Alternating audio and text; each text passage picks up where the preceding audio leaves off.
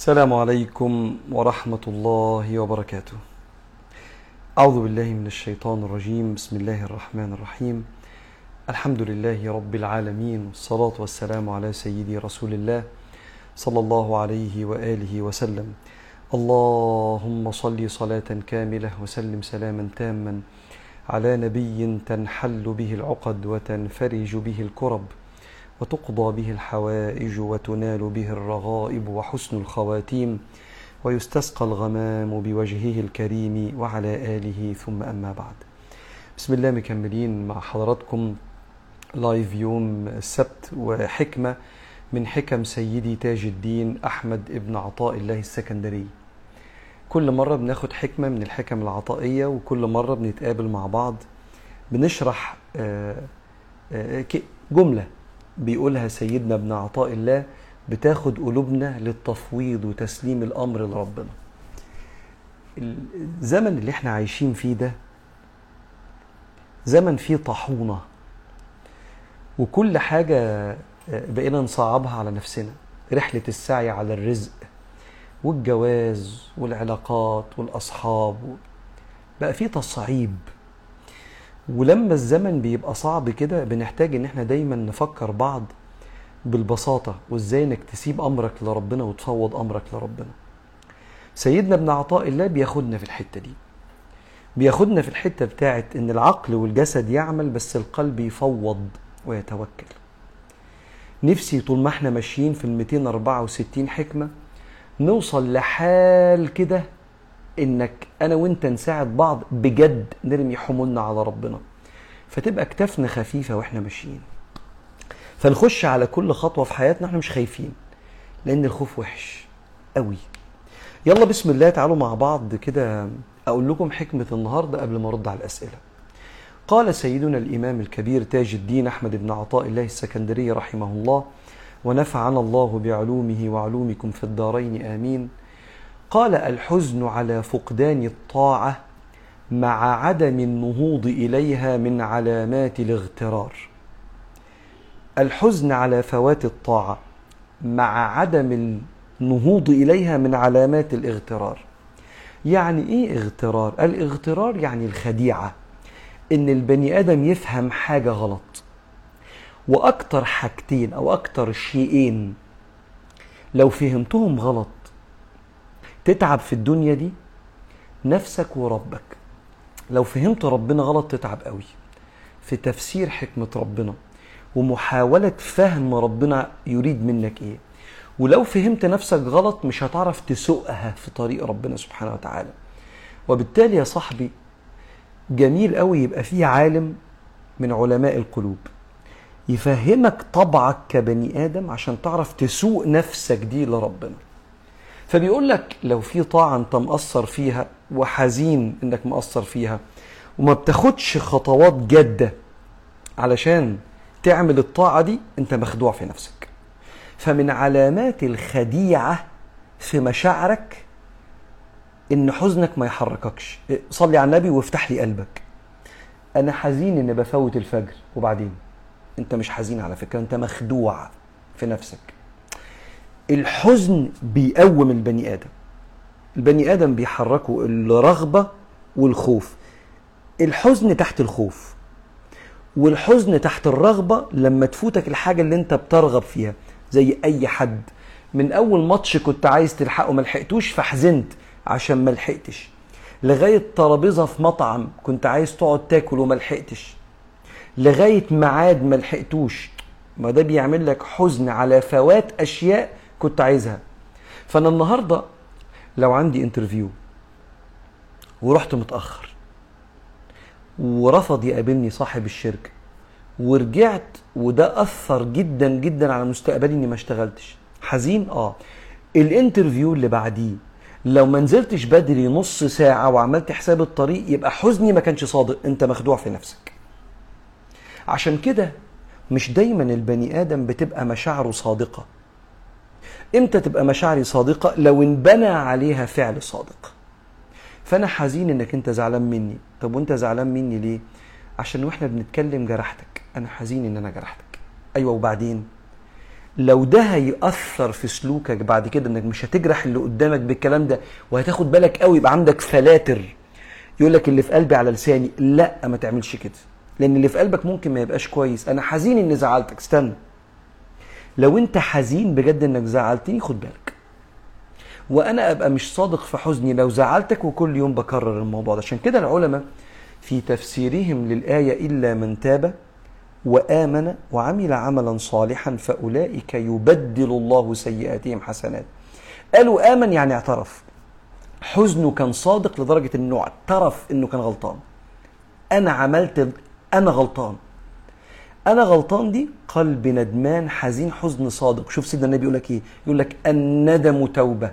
الحزن الصادق على الخطأ يكفي لمغفرة السيئات. لو صلحت سلوكك بعد كده ربنا يبدل سيئاتك حسنات. ومن هنا يا صديقي أنت حزين على الفجر؟ آه. أخبار منبه بكرة هتظبطه إزاي؟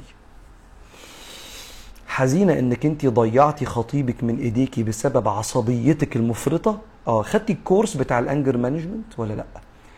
رحتي للشيخ يديكي ورد علشان تذكري ربنا في قلبك يهدى من العصبية ولا لأ؟ عرفتي الحاجة اللي بتعصبك اشتغلتي عليها ولا لأ؟ طريقة أسفك لما بتتعصبي وتغلطي اتغيرت ولا لأ؟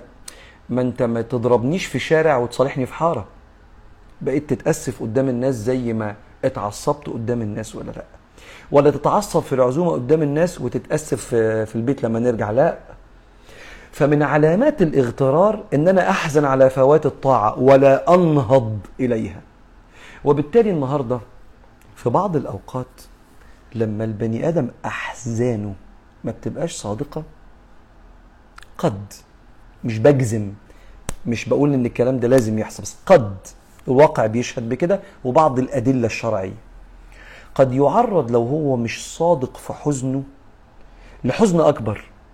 علشان يبقى الم دافع للتغيير. لأن خد بالك خطب واحدة وبعدين خانها فسابته. حزن إنه ضيع بنت ناس من إيديه. لأن خطب واحدة تانية وخانها فسابته. فحزن إنه ضيع بنت الناس من إيديه. الله وبعدين بقى؟ ما أنت كده ممكن تعيش خاين وتموت خاين. طب وبعدين؟ يبدو إن إحنا ممكن يحصل معاك في حياتك إنك ما تلاقيش بنت ناس أو تعرض إنك تدوق من نفس الكاس ووجع إنك تتخان. تاخد بالك من المسألة دي. فبيقول له هنا الإمام حزنك على فوات الطاعة مع عدم النهوض إليها من علامات الاغترار. لا ده مش حزن كافي. طب أعمل إيه؟ لو حزنت الحزن طاقة لازم تحركك لخطوات. وبالتالي لو أنت حزين إنك أنت زعلت حد وفقدته حزين على فقدان شغل حزين على فقدان طاعة زي ما قلت لك صلاة الفجر. لازم الحزن ده تحطه في الفعل وتبدأ تاخد خطوات عشان تعرف توصل للي نفسك فيه أو ما تفقدش حاجة تانية فقدتها بسبب سلوكيات معينة. فبيقول له الحزن على فقدان الطاعة مع عدم النهوض إليها من علامات الاغترار يعني الانخداع في النفس. فخد بالك من الموضوع ده. يلا نرد على الأسئلة. بسم الله. بيقول لي إيه بقى؟ أسئلتكم كل مرة الأسئلة تبقى أحلى. يعني سيدة كريمة بتقول لي أنا مش متعلمة وببقى نفسي أدعي لاولادي ومش عارفة أقول إيه. هقول لحضرتك على حديثين. الحديث الأولاني قال صلى الله عليه وسلم الماهر بالقرآن اللي بيعرف يقول أحكام التلاوة وبيقرأ بالمدود بتاعه الأحكام والمخارج الألفاظ. الماهر بالقرآن مع السفرة الكرام البررة مع الملائكة مقامه. والذي يقرأ القرآن وهو شاق عليه يتتعتع فيه لسه بيتعلم الأحكام مش بيعرف يقرأ قوي له أجران. أجر القراءة وأجر مجاهدة النفس. فخدوا منها العلماء إن اللي بي مش عارف يجمع الكلام أو مش عارف يقول قوي عارف لما الطفل يبقى لسه ما بيعرفش ينطق فيبدأ يقول على المية انبوه وأول مرة يقول بابا أو يقول ماما. يفرحوا قوي لأنه مش بيعرف يتكلم فبيجتهد إنه يقول حاجة فالأهل يفرحوا. إنه بس قال حرفين على بعض ولله المثل الأعلى. يفرح ربنا بحضرتك وأنت مش متعلمة. بس بتقول يا أولاد ربنا يفتحها في وشكم. إلهي يجعل في وشك جوهرة وفي بقك سكرة. يعني وشك يبقى منور ولسانك يبقى حلو. إلهي يكرمك ويفتحها ويقفلك ولاد الحلال. الأدعية دي؟ أدعية الناس الطيبين اللي ربنا بيستجيبها. الراجل راح لسيدنا النبي قال له يا رسول الله بسمع حضرتك بتقول ادعيه حلوة قوي حضرتك ومعاذ بن جبل بيقولوا ادعيه حلوة قوي بس مش بعرف أقول الكلام ده. ممكن ربنا يسمعني ويستجيب لي. قال له أنت بتقول إيه؟ قال له بقول اللهم إني أسألك الجنة وأعوذ بك من النار. فالنبي قال له حولها أدندن أنا ومعاذ.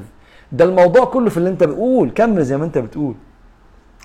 فقول يا حاجة اللي في بالك بأي لغة. بصي بصي يا رب كده قول يعني يا رب أنت عارف يا رب. ما كان سيدنا النبي يقول لربنا كده. لا أحصي ثناء عليك. مش عارف أقول لك يا رب أشكرك إزاي أنت كما أثنيت على نفسك. قول أنت يا رب أنت كما أثنيت على نفسك. فربنا يتقبل. أنا مش عارفة أرتاح عندي مشكلة مع شخص تسببت له في ضرر نفسي كبير وطلبت السماح واعتذرت بحرقة لكنه لا يقبل السماح. وقال حرفيا لن أسامحك من دون البشر حتى لو على الصراط مش هسامح. الأمر يزعجني كثيرا. في عندنا يوم القيامة شيء اسمه التحمل. ربنا بيتحمل عن الناس آه، آه، أوزار اللي في حق البشر. يعني إيه؟ يعني ربنا يرضيه عشان خاطر حضرتك. سيدنا النبي قال كده. يأتي يوم القيامة اثنان واحد مسك واحد. فيقعدوا على الركب يجثو على الركب. فيقول له يا رب خذ حقي من هذا فقد ظلمني. فربنا سبحانه وتعالى يقول له طب إيه رأيك بص كده على الجنة؟ فيبص على الجنة يلاقي قصور من آه، فضة ومن ذهب ومن جواهر يقول له يا رب لمن هذه القصور؟ لأي نبي هذا؟ لأي صديق هذا؟ لأي شهيد هذا؟ فربنا يقول له لمن يملك الثمن. فيقول له ربنا وما الثمن؟ قال أنت تملكه. قال له إيه ده؟ أملك ثمن القصور؟ آه بعفوك عن أخيك. فقال له يا رب عفوت يا سلام. خد مني في الدنيا 10 جنيه وانت بتديني 100 مليار جنيه يا رب. يعني مثلا يعني زعلني زعل قد كده وانت هتفرحني فرحة قد كده يا رب. عفوت عنه يا رب. يقول له خذ بيد أخيك وادخل الجنة. ويبكي النبي هنا عليه الصلاة والسلام. حضرتك عملت اللي عليكي وتاسفتي بحرقة. كلنا بنغلط وكلنا بنزعل وكلنا بنظلم بعض.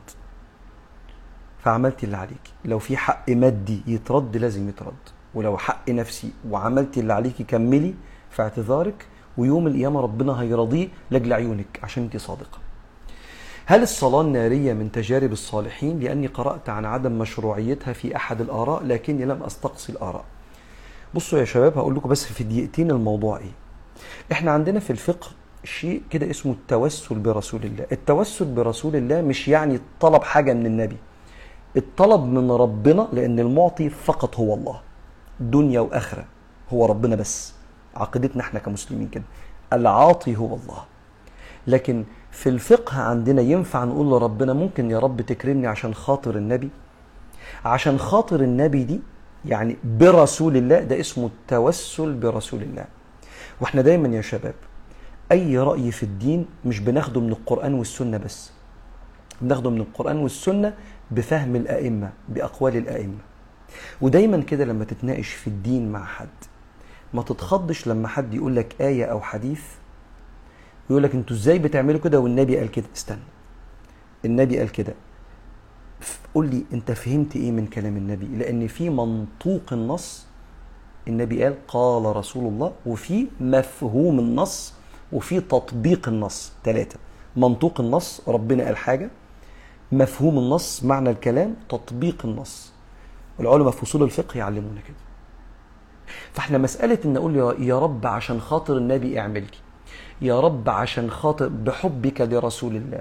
يا رب برسول الله. يعني إيه برسول الله؟ يعني عشان خاطر النبي اعمل لي. فاحنا نطلب من ربنا مش من النبي عليه الصلاة والسلام. طيب التوسل ده عند العلماء عند الأئمة إيه؟ الشافعية والحنابلة والمالكية. وكثير من الأحناف يقولوا التوسل برسول الله جائز. في حياة رسول الله وبعد موته. يعني أقول لربنا دلوقتي يا رب لجل النبي عشان خاطر النبي ويستسقى الغمام بوجهه الكريم. يعني يقول يا رب عشان خاطر النبي نزل المطر علينا. الغمام يعني السحاب يستسقى ينزل منه المطر. فالعلماء جمهور العلماء بعض الأحناف لا يجوزوا يعني يقولوا لا ما فيش حاجة اسمها يا جماعة لا يجوز التوسل. بعض الأحناف المالكيه الشافعية الحنابلة وجزء من الأحناف يقولوا جائز. فإحنا في الصلاة النارية بنقول اللهم صل صلاة كاملة وسلم سلاما تاما على نبي تنحل به. مش هو اللي بيحل العقد. تنحل من الله تقضى به تنحل به العقد وتنفرج به الكرب وتقضى به الحوائج وتنال به الرغائب وحسن الخواتيم ويستسقى الغمام. يعني ربنا ينزل المطر عشان خاطر النبي بوجهه الكريم. وعلى آله. ده عند العلماء إيه؟ ده عند العلماء عند جمهور الأئمة جائز. اللي بيقول الكلام ده شرك على عيني شخصه لكن رأيه بيخالف الأئمة بيخالف الأمة. اللي بيقول التوسل برسول الله شرك. دي دي الرأي ده كارثة في حد ذاته. لكن اللي بيقول لا يجوز آه بعض الأحناف بيقولوا لا يجوز بس جمهور الأئمة على جواز ده. وانت لما تيجي تقرأ وطبعا ده مهم إنك أنت تتعلم وتقرأ وتقعد تحت رجل المشايخ. في تفسير ولو أنهم إذ ظلموا أنفسهم جاءوك. فاستغفروا الله واستغفر لهم الرسول لوجدوا الله توابا رحيما. تقرأ في تفسير القرطبي وابن كثير والتفاسير الكبيرة بتاعت الأئمة. يقولوا ده في حياة النبي وممات النبي. يعني تيجي عند قبر النبي وتطلب من النبي يستغفر ليك. تقول له كده. وده موجود في كتب التفاسير وتقدر بعد إذنك تراجع ورايا وبشجعك تعمل كده. يعني تروح عند النبي كده وتقول له يا رسول الله جئتك مستغفرا من ذنبي يعني بستغفر ربنا أمامك مستشفعا بك عند ربي. ده نص كلام الأئمة في كتب التفسير. زي ما قلت لك يعني وارجع مثلا أشهر واحد سهل تعرف تجيبه كده قرطبي وابن كثير وكثير من الأئمة. فاللي أنا بقول لك عليه لأن سيدنا النبي مش جثة هامدة. سيدنا النبي حي في قبره هو اللي قال كده الأنبياء وأحياء في قبورهم. رواه الإمام مسلم. فأنت لما تقول له يا رسول الله استغفر لي فأنت بتكلم حد بيسمعك موصول بالله. بتطلب النفع من مين؟ من الله عن طريق النبي عليه الصلاة والسلام. واحد يقول لي بس أنا ما بحبش كده. تخليني مع ربنا على طول. أقول لك توحيدك الجميل ده مش في محله. لأن ربنا هو اللي قال لك اعمل كده مع النبي. ولو أنهم إذ ظلموا أنفسهم جاءوك. صلى الله عليه وسلم. فاستغفروا الله واستغفر لهم الرسول لوجدوا الله توابا رحيما وإلا أقول لك حاجة يا صاحبي ما تقولش لحد يدعي لك. خليك أنت مع ربنا. يا سلام. طب ده أنا أقول لأبويا يدعي لي وأمي تدعي لي وح... وأنت تدعي لي أنت حبيبي وحضرتك تدعي لي. أنا نحسبكم من الصالحين يا سلام. لا أنا مش عايز حد يدعي لي أبقى مع ربنا. مش عايز النبي يدعي لي لا أوعى تقول كده. ما تعملش كده. فإحنا فدي دي خلاصة الصلاة النارية. اللي يعني شبه مجمع عليها طبعا من الأئمة. لكن الكلام اللي على النت ملناش دعوة بيه والله أعلم. إزاي ما نلومش أهلنا على بعض الحاجات؟ الغلط اللي في تربيتنا. هي طبعا غصب عنهم لأني ساعات بتصرف بدفاعية وبحس إني جرحتهم. وأنا والله مش عايز أجرحهم بس بجد نفسي بيني وبين نفسي أكون متصالحة مع كل حاجة هم عملوها في تربيتنا. ربنا يسامح كل أب وأم أهملوا أو كانوا قاسيين. أو قصروا في تربية ولادهم. عزائنا الوحيد أو أو ظننا الوحيد إن هم عملوا اللي يعرفوه. وإن حتى لو كانوا بيتصرفوا غلط فيمكن يكونوا تربية أجدادنا يمكن يكون نفسهم ضعفت ربنا يسامحهم ويصلح فينا اللي هم قصروا فيه. ويصلح فينا اللي هم قصروا فيه. ولو في أي أب وأم بيسمعوني دلوقتي يعني حلفتكم بربنا. ما تأثروا في حق عيالكم. لحسن بيطلع ناس موجوعين جدا في المجتمع وحاسين بضعف شخصية وضعف ثقة في النفس بسبب القسوة أو الإهمال في التربية. واللي مات من أهالينا ربنا يسامحه. أما بقى صاحبة السؤال فأنت مسؤولة عن إصلاح ما أفسدته الأيام. وقدرك إن أهلك ممكن يكونوا وجعوكي شوية. اشتغلي على نفسك. الجئي المتخصص. روحي لحد فضفضي معاه. روحي لشيخك لو عندك شيخ روحي لل therapist بس تكون متعلمة كويس و certified ويعني مش مش يعني مش مش دارسة يومين ولا ثلاثة بس تكون يعني روحي لاخصائيه نفسية. ايا كان حد تثقي فيه من الكبار في العيلة وفضفضي كده يمكن يكون يملك بعض الحلول والأفكار. والله أعلم. آه ممكن تكلمنا عن السنن القبلية والسنن البعدية؟ إحنا عندنا السنن يا شباب. 12 ركعة في اليوم اثنين قبل الفجر. والنبي عليه الصلاة والسلام عمره ما فوتهم لا في سفر ولا في إقامة ولا في بلده ولا بره بلده. ودي كانت من أكتر السنن اللي بيواظب عليها. اثنين قبل الفجر أربعة قبل الظهر واثنين بعد الظهر. واثنين بعد المغرب واثنين بعد العشاء. دي السنن اللي بيسموها آه، آه، آه، السنن الرواتب اللي النبي كان مواظب عليه السنن المؤكدة اللي النبي ما كانش بيسيبهم اثنين قبل الفجر أربعة قبل الظهر واثنين بعد الظهر أدي كده ثمان ركعات اثنين ستة وبعدين اثنين بعد المغرب واثنين بعد العشاء. ربنا يتقبل إن شاء الله. إزاي نقنع طفل صغير إنه يصلي؟ ابن أختي عنده سبع سنين ومش بيرضى يصلي رغم إنه بيشوفنا كلنا بنصلي حواليه بحجة إنه تعبان ومش قادر. معلش واحدة واحدة. هنقعد نقول له صلي. ومش هنتكلم عن جنة ونار مش هنخوف الولاد الصغيرين بالنار. لأن النار شيء مؤلم. ولادنا لما نقعد نقول لهم ربنا هيعذبك بالنار بيرفلكت بينعكس فيهم على قسوة عن من جاية من ربنا. لأن النار بتلسع ليه ربنا بيوجع الناس. ففكرة عذاب النار بتحتاج شرح. الكبار نفسهم ما بيبقوش فاهمين هو ليه ربنا ممكن يسيب واحد في النار. ما بالك الصغيرين. فاحنا ما بنكلمش الولاد الصغيرين لأن أنا بشوف كتير ربنا هيلسوعك ربنا استنى بس. أنت كده بتبعده عن ربنا وأنت مش واخد بالك. لأن تصوره عن ربنا لسه ما تكونش. فاحنا دايما بنتكلم إن ربنا يفرح من ده. لو صليت ربنا يفرح ربنا اللي أكلنا وشربنا وأكرمنا و... ونشاور على نعمة ربنا ونخلي ولادنا يشوفوها ونتكلم دايما إن ربنا بيفرح بكده. ولما ولادنا يصلوا مش بنكافئهم مكافآت مادية عشان ما نربط لهمش المعاني بالمادة بنفرح بيهم ونقول لهم إحنا مبسوطين إن أنتوا عملتوا كده وربنا كمان مبسوط منكم. ولو ما صلوش ندعي لهم. وخلاص لأنه لسه مش مكلف ولسه مش محاسب ولسه ما بلغش فواحدة واحدة على أولادنا. نجيب بيقول لي هل اجر قراءة القرآن من الموبايل؟ نفس اجر قراءته من المصحف؟ آه العلماء قالوا كده يا نجيب. ليه؟ لأن المصحف هذه الأوراق التي كتبت فيها كلام الله هي وسيلة. والوسائل تأخذ أحكام المقاصد. معلش وساعات بيبقى الكلام كبير شوية كده بس فوته. يعني اسمعوا كده وإيه وإحنا بنكرره هنتعلمه مع بعض. فالورق اللي فيه القرآن هو هو صفحة الكمبيوتر ولا الآيباد ولا التليفون اللي فيه المهم يكون فيه كلام ربنا نفسه. فنفس الأجر إن شاء الله. فالوسيلة مش مهم إيه هي. المهم المقصد السبب اللي بنعمله نقرأ قرآن يبقى ربنا يتقبل إن شاء الله. هل الناس السيئين هم اللي ربنا مش بيهديهم؟ أحببت شخص غير مسلم ولكن قطعت علاقتي معاه؟ تماما وتبت من ذلك. ولكن يؤلمني قلبي أنه غير مسلم. وبدعي له بقالي عشر سنين أن ربنا يهديه الإسلام لكن الله لم يستجيب. فمن هم اللي ربي؟ ما يهديهم؟ يفعل ما يريد. يهدي من يشاء. تشغليش بالك.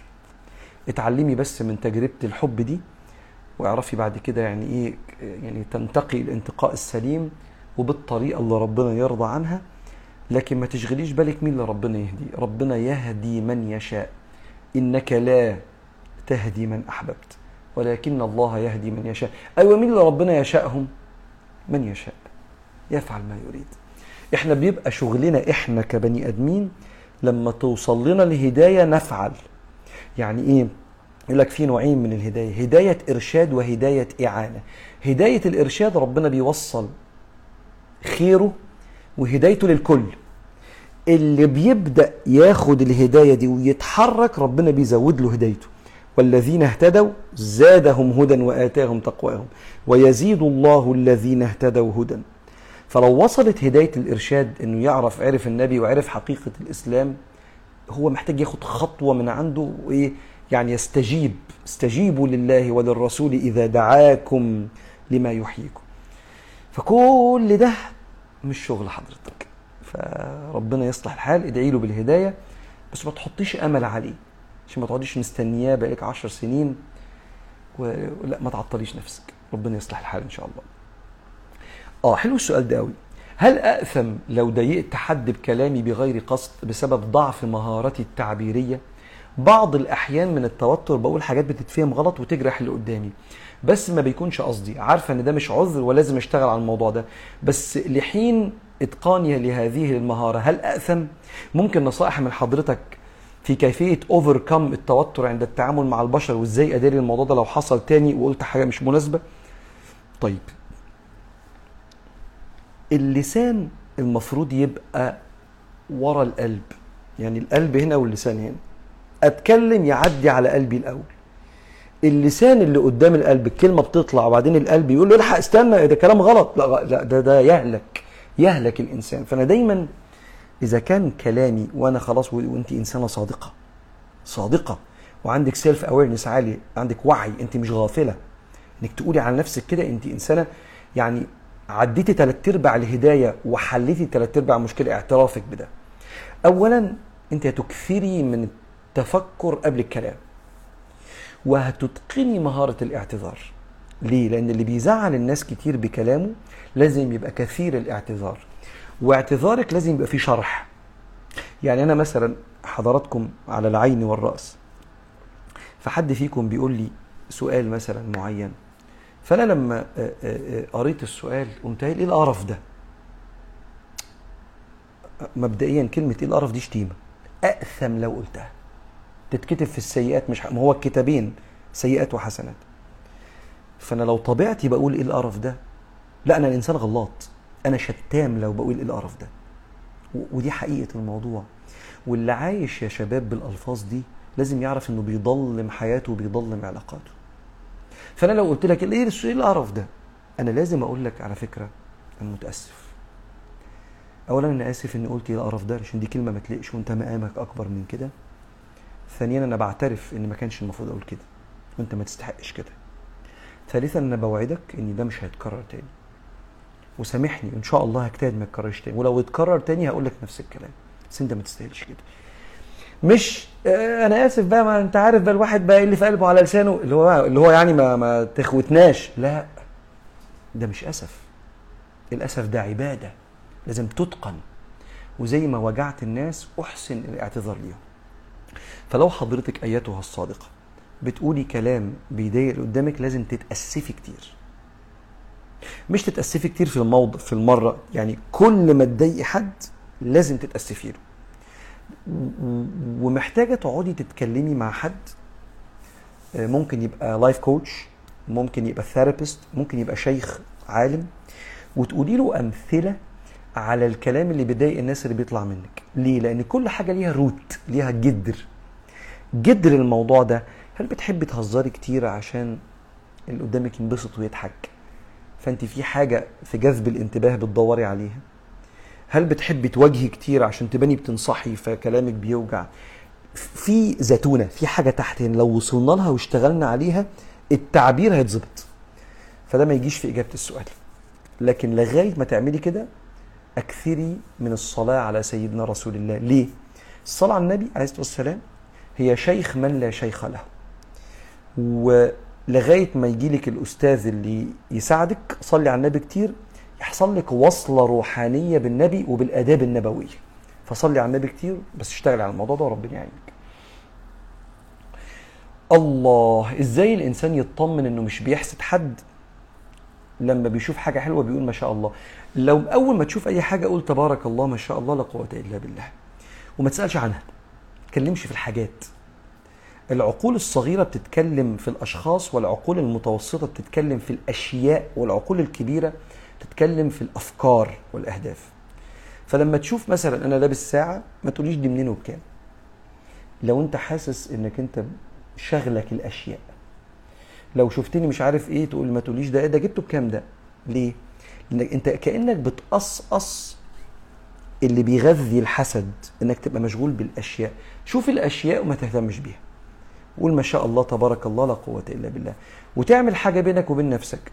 تتمشى كده في بيتك وفي حياتك وتبص على كل نعمة وتحمد ربنا. عد النعم. بص كده على الأباجورة المنورة وقول الحمد لله. لو عندك مروحة ولا تكييف بص عليه كده وقول الحمد لله. بتتنفس قول الحمد لله. ليه؟ هتصحي عندك رؤيتك للنعيم اللي ربنا معيشك فيه فهتبدأ عينك ما تاخدش بالك من حاجة الناس لأنك مشغول بحاجتك. بتبص في ورقتك بتاكل في طبقك زي ما بيقولوا. والله أعلم. ما ذنب من يعاير الناس بفقرهم؟ هو قال له في الحديث كده قال آه، من عير أخاه بذنب لم يمت حتى يفعله. فاللي يعير بحد حد بحاجة غالبا بيدوقها آه. لاني لما اعيرك بحاجة أنا بعيرك بقدر الله فيك. تقولي لا ده ما بيشتغلش. ده أنا بعيره بكسله. اولا ما تعيرش حد بعيب فيه. طب ما انت كنت ممكن انت تطلع كسلان. انت ما تعرفش الكسل اللي عنده ده وهو محتاج يشتغل على الكسل ده بس انت مالكش دعوة. ما تعرفش جاله منين؟ جاله من هزيمة حصلت له في حياته من تربية ربها غلط من شيء شافه فكسر مقاديفه. فانت ما تعرفش رحلته. فاللي ما يعرفش رحلة حد ما يعايروش بحاجة. لا بذنب ولا بعيب. ربنا يستر عليه. ليه علوم الطاقة وقانون الجذب حرام؟ قانون الجذب كله بيتكلم عن فكرة حسن الظن بالله. أتمنى لو تكلمنا بشكل مفصل عن الموضوع ده. المشكلة إن هم مدخلين الدين فيه لدرجة كبيرة وبعض الناس مش راضية تقتنع إنه حرام. علوم الطاقة حاجة وقانون الجذب هو جزء آه من الناس اللي بتتكلم في الطاقة بيتكلموا في قانون الجذب. بس خليني أقول لك بس قانون الجذب الأول. قانون الجذب ده ليه طريقتين الناس بتشرحها. الطريقة الأولانية إنك لما تفكر في الحاجة كتير هتجذبها ليك وتحصل وده ينافي قدر الله وينافي السيكولوجي وينافي العلم أصلا. حتى العلماء لما درسنا مع علماء مع دكاترة نفسيين قانون الجذب ده قالوا لنا الكلام ده مش صح. كلامك في العلم بتاع الدنيا أهو. غير طبعا إن أنا ممكن أفكر في حاجة وتبقى مش من أقداري مش مكتوبة لي. وما افكرش في حاجة وتجيلي لغاية عندي. فالطريقة دي من فهم قانون الجذب لا ده غلط. أما قانون الجذب اللي بيتشرح بطريقة أقرب للصح اللي هو أنت لما تفكر في حاجة هتبدأ تاخد بالك منها وتبدأ تشتغل عليها يبدأ يتح... يتكون جواك إرادة ليها. فأنا مثلا على سبيل المثال عايز أخس. أنا مش هفكر في الخسسان. هبدأ أشغل بالي بموضوع الخسسان وأقرأ عن الخسسان وأبدأ أتخيل نفسي وأنا رفيع. بس كده لا أنا لازم أشترك في الجيم وأواظب على الجيم وأظبط. آه ده ملوش علاقة بقانون الجذب خالص. هذا ده اكشن ده ده فعل. فعل. لكن لو بس فكرت في الحاجة لا أنا ما تنفعش. ده لازم أحط كل حاجة في الفعل. وبالتالي لو هنسمي قانون الجذب حسن الظن بالله إن أنا إن شاء الله ربنا هيكرمني بإذن الله في الشغلانة دي وهيفتح عليا وهيفتح وهنوفقني وهي استنى بس. صح. بس أنت هتتصدم في علاقتك بربنا وفي قانون الجذب وفي علم الطاقة وفي نفسك لو ما توفقتش في في في الشغلانة دي. إحنا ما بنفكرش بقى بالقوانين دي خالص. إحنا بنحسن الظن بربنا لأنه أمر بحسن الظن. وبنفكر في النجاح مع التفويض. إن أنا ممكن ما أنجحش. في ده. بس يقينا هيفتح عليا لأنه هو اللي وعد قال إنا لا نضيع أجر من أحسن عملا فممكن يفتح في ده وممكن ما يفتحش ده يفتح في اللي بعديه أو يفتح من حاجة تانية خالص لأن هو اللي وعد. فالمشكلة مين بيشرح لك قانون الجذب وبيشرحه إزاي؟ لو هيشرحه بتاع فكر في الحاجة هتجذبها ليك لا دين ولا علم بيقولوا كده. لكن زي ما لو هي مسألة حسن الظن بالله بس خد بالك حسن الظن بالله ده زي ما يكون طبقتين كده. طبقه إن أنا إن شاء الله مثلا يعني إيه أنا مش هخون البنت اللي بحبها يبقى أنا إن شاء الله يقينا بحسن ظن في ربنا مش هتخوني. استنى. في طبقة حسن ظن تانية إنها لو خانت من حسن ظني في ربنا انه هيعوضني مش يبقى حسن ظني واقف هنا إن أنا هعمل الموضوع وربنا هيكرمنا استنى طب لو ما أكرمكش في ده حسن الظن الحقيقي إنه هيكرمني بحاجة تانية ويعوضني. مش في حاجة معينة في الله نفسه. مش لأن لو أحسنت الظن في ربنا هيعمل دي زي ما أنا عايز طب لو ما عملهاش زي ما أنا عايز. لأن ربنا يرى شيء تاني أحكم وأعلم مني. فالموضوع محتاج تعلق بالله مش بالأشياء. والله أعلم. يلا نقف هنا عشان طولنا قوي النهارده. شكرا على وقتكم. اشوفكم إن شاء الله على خير وعلى تيسير وبفكركم تتفرجوا على سلسلة الطريق اللي بتنزل كل يوم حد الساعة 9 لتدريس العقيدة. والشمائل المحمدية والفقه على المذاهب الأربعة وعلوم التزكية وترقية الأخلاق. شكرا. نشوفكم السبت الجاي على خير إن شاء الله. السلام عليكم.